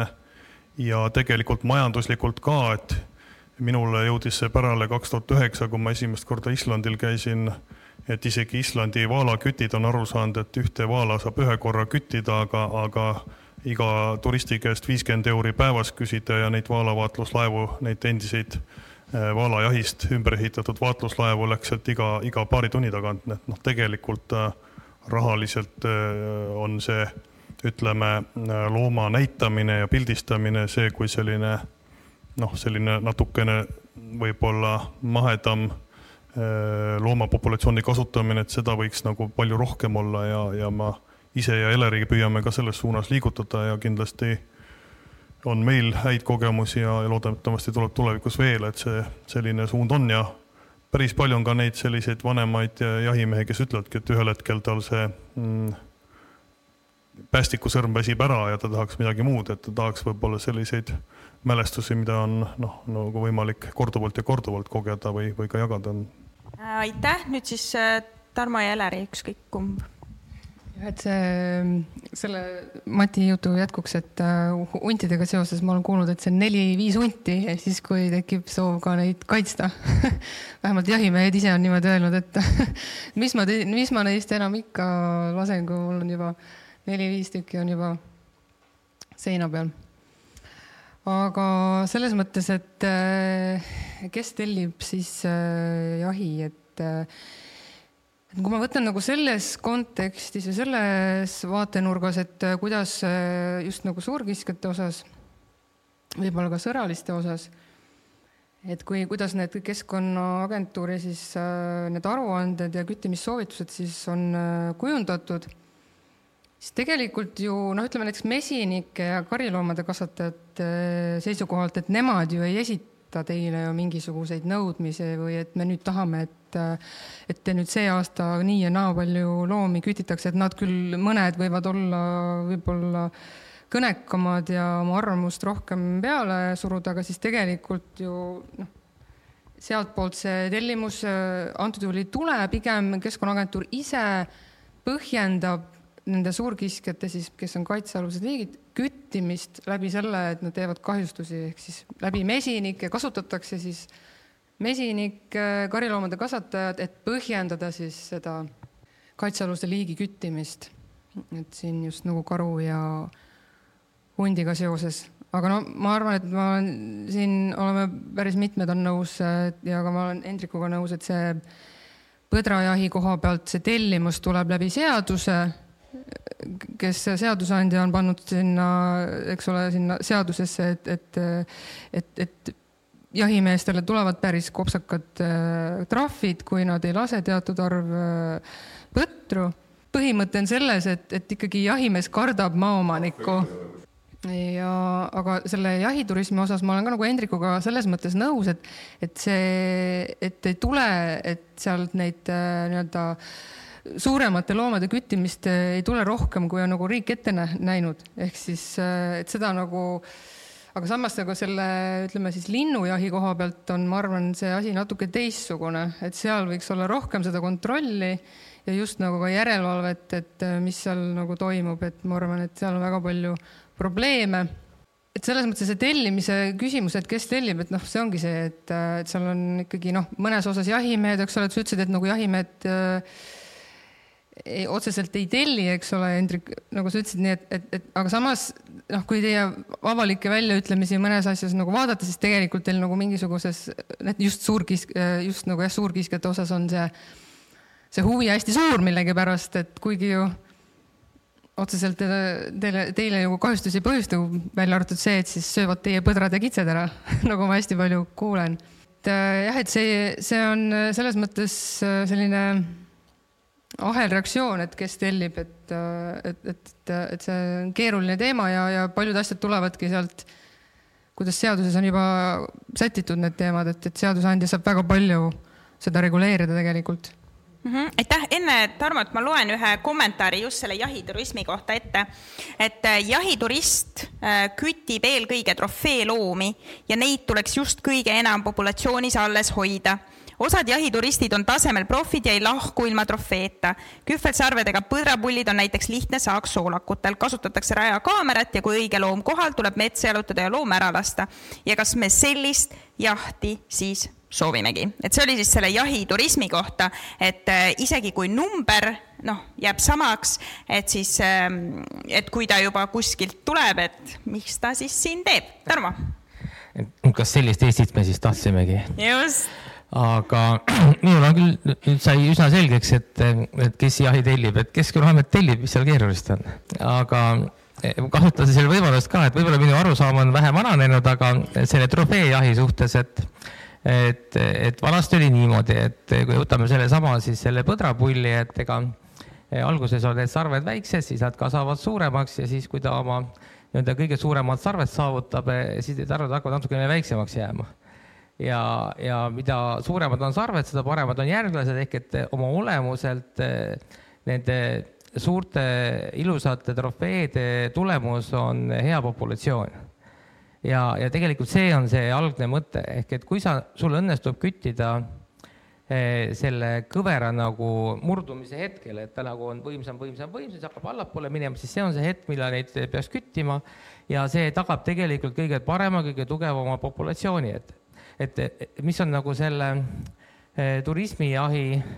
eh, nagu oht ma olen selles tegelikult olnud, et selles mõttes ma, ma, ma kui tean, et see oht on see, et siis saabub tõesti see jahimees ja ütleb, et eh, aga ma tahan seda neid suuri sarvi saada. ja siis võib muidugi vääratada ja öelda, et noh, et aga äkki laseme natukene varem siis ära, et nad on juba ka päris suured, et sa lähed selle, et sa ei jaksa oodata seda põtra seal üheksa aastat nii-öelda kasvatada, et, sa saad need järglased kätte, sa saad selle populatsiooni tugevaks, vaid lähed sinna viie,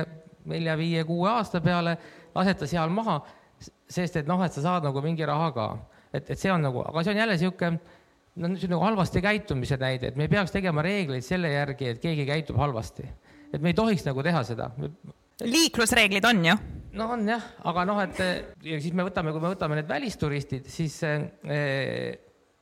see on niisugune emotsionaalne probleem, tundub mulle, sest kui Keskkonnaamet on loa väljastanud, siis sisuliselt ei ole vahet, kes selle looma maha laseb, kui ta laseb samamoodi kui kohalik. aga seal on vist ma, ma ei ole päris kindel, aga natukene tundub, et see võib olla ka see probleem, et eh, kui on Eestis luba välja antud ja et kas siis Soome kodanik ei tohi tulla Eestisse jahile või Saksamaa kodanik, eh, et kas, kas me saame seda üldse keelata, et meil on ju vaba liikumine,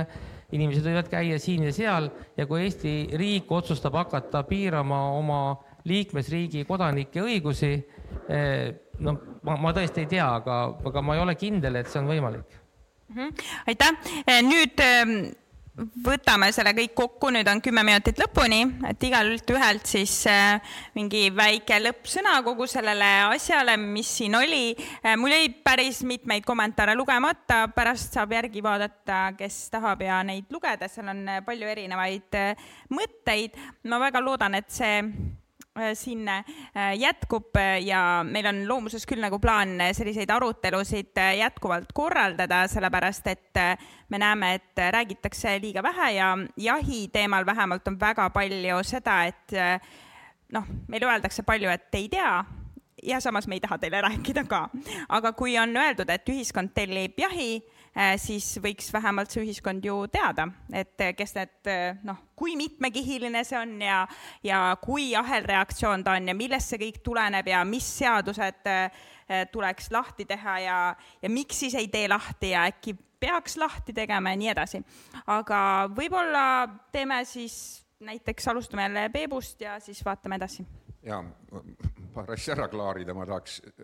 öelda, et, et Keskkonnaamet kindlasti ei telli jahti ja Keskkonnaagentuur seda veel vähem. et, et tegelikult, tegelikult meil on jahiseadusega ülesanne teha küttimisettepanekuid, ehk siis me, me püüame kõiki erinevaid huvipooli arvestades teha mingisuguse, anda mingisuguse niisuguse optimaalse, mõistliku, tasakaalustatud äh, arvu ja, ja kui sõraliste puhul on ta mingi vahemik, siis suurkiskjate puhul on nagu väga selgelt äh, Keskkonnaamet meilt tahab ja, ja me paneme piiri, ehk siis kui me kütiksime rohkem, et rohkem ei tohi küttida, maksimaalne määr, ehk siis on see määr, et et, et millest üleküttimisel võib asurkonna seisund halvemaks minna. et, et meie ei telli selles mõttes, aga, aga küll, aga meilt tellitakse nii-öelda sisendit sellesse. Nüüd tegelikult see, see jahi, see trofeejahi ja jahiturismi teema on hästi huvitav ja sellest me ei jõudnud rääkida aga, aga tegelikult see, see on probleem ja see on, see on evolutsiooniline probleem, ehk siis tegelikult see, see inimese niivõrd tugev sekkumine eh, just nimelt noh, ma arvan, et hakkab mingil määral taanduma, aga, aga see, see, see, kui, kui, kui jahimees toimetab selle nii-öelda kunstliku valikuna, ehk siis inimene arvab, et, et tema teab paremini, eh, kes on selle sobilik sigima, paarituma. et, eh, et minu meelest peaks nagu see põdralehm otsustama, kellega ta paaritub, mitte et inim-, jahimees ütleb, et, et nii, sina veel ei paaritu, sa oled vara veel, sa oled liiga väikeste sarvedega, sinu laseme maha. et, ähm, et see on niisugune jah, jah, niisugune teema, mida võib arutada ja ja tegelikult praeguse, praegusel ajal iseenesest, kui me vaatame ka jahi eeskirjasid, siis tegelikult soositakse äh, nii-öelda kuigi, kuigi nagu noh, öeldakse, et jah, et äh, ühiskond tellib sõraliste jahi, võtame põder, viska, siis tegelikult ta tellib arvukuse reguleerimise, aga mitte ta ei telli nende sarvede jahi, et see on ikka puhtalt jahimeeste endi sees ja, ja tegelikult selle, sellega, seda toetab praegusel hetkel ka riik, selles mõttes, et me võtame põdrajahti, siis põdrajaht, põdrajaht hakkab pullijahiga kaks nädalat kõige magusamal jooksuajal, ehk siis siin on väga kõva eetikaprobleem. Me oleme aastaid teinud ettepanekuid, et, et alustada põdrajahiga oktoobrist kõikide loomade jahiga. Äh, aga see pole hetkel läbi läinud, samamoodi näiteks metskitsejaht on sokujaht hakkab esimesest juunist juba pihta, juba käib, on ju, möll käib. ja, ja tegelikult äh, ja teiste kitse- ja tallejaht, no põhimõtteliselt võiks nagu proportsioonis lasta, et asurkonna seda struktuuri hea hoida, see hakkab siis esimesest septembrist, on ju, et et tegelikult see on nagu väga kõvasti nende, nende sokkude suunas kaldu või noh, soku küttimise suunas kaldu, kusjuures jällegi ka metskitse puhul jääb see just see jooksuaeg, kui need loomad on äh, kõige haavatavamad, nad on, pea on sassis, on ju,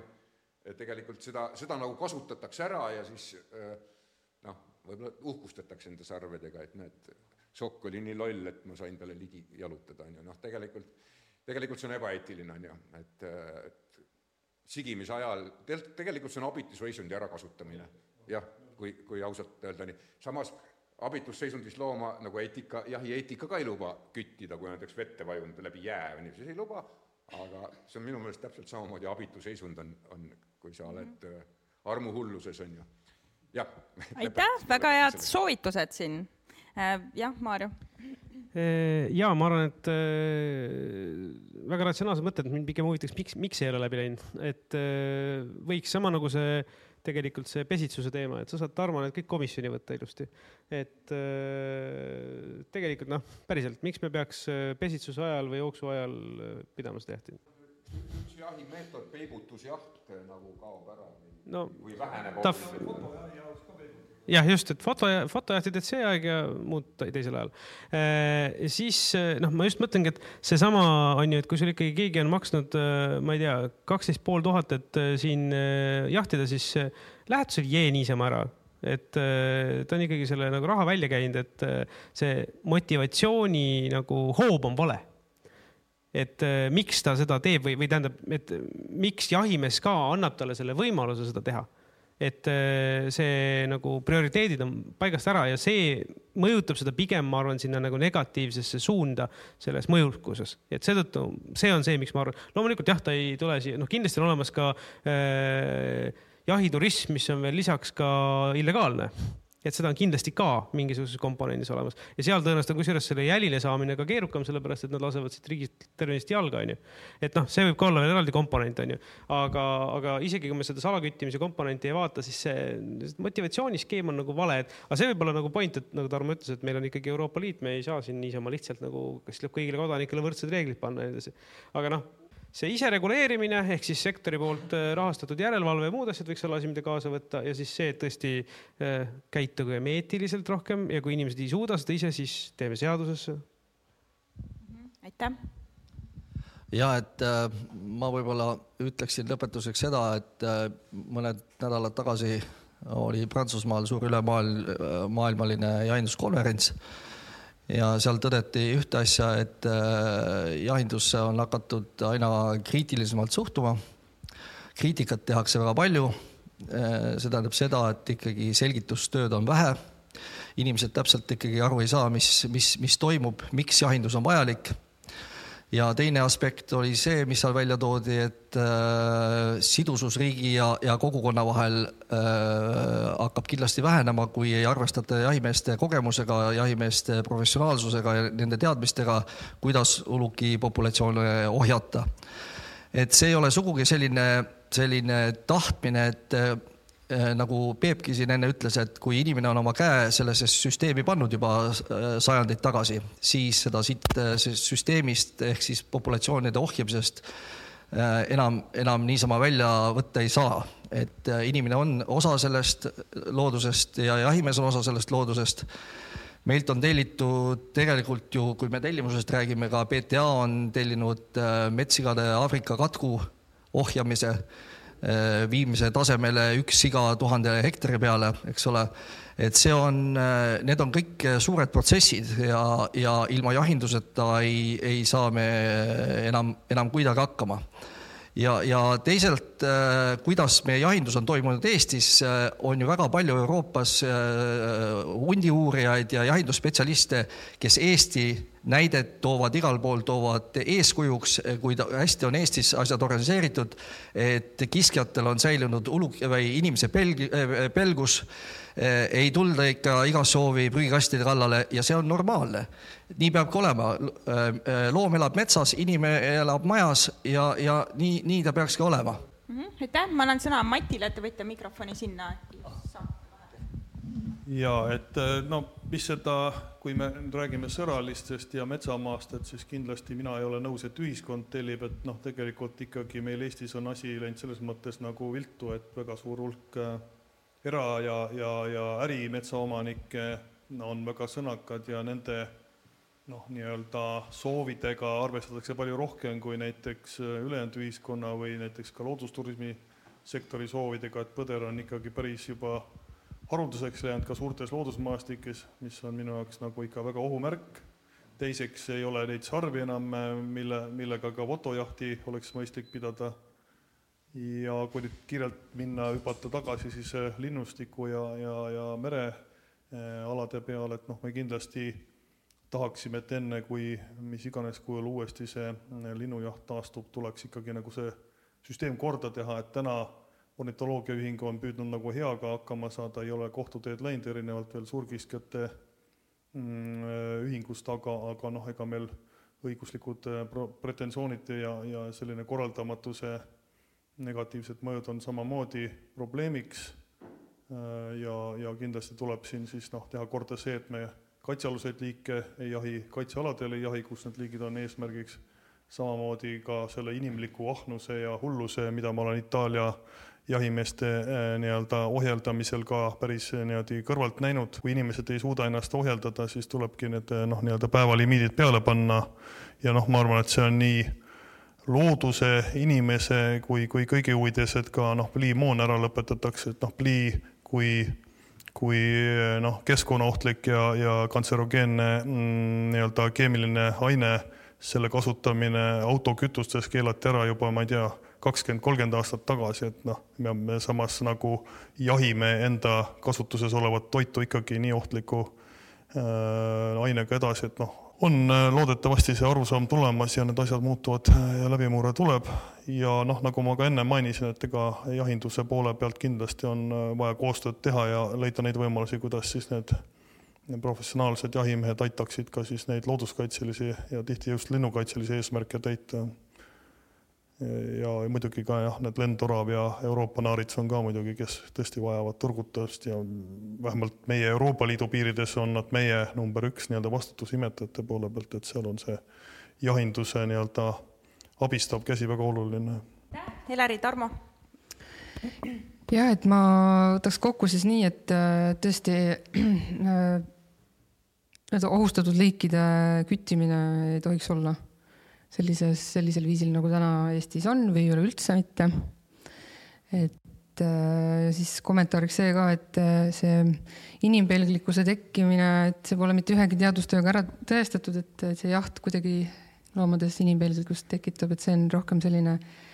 käibemüüt. jah, et selles mõttes, et direktiividest ja seadustest võiks kinni pidada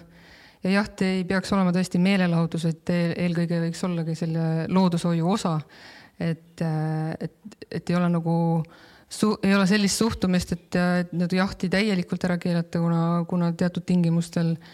tõesti on ka jahti vaja mingitel, mingitel, mingites olukordades, siis tõesti võiks need teha nagu professionaalsed jäägrid või olla kuidagi rohkem sellise reguleeritud. kui nagu nendes nii-öelda olulistes otsustes, kus täna põhjendatakse jahti mingite kitsamate huvigruppide vaatevinklist, et kui, et, et peaks rohkem seda põhjenda-, põhjendamine toimuma läbi siis avaliku huvi.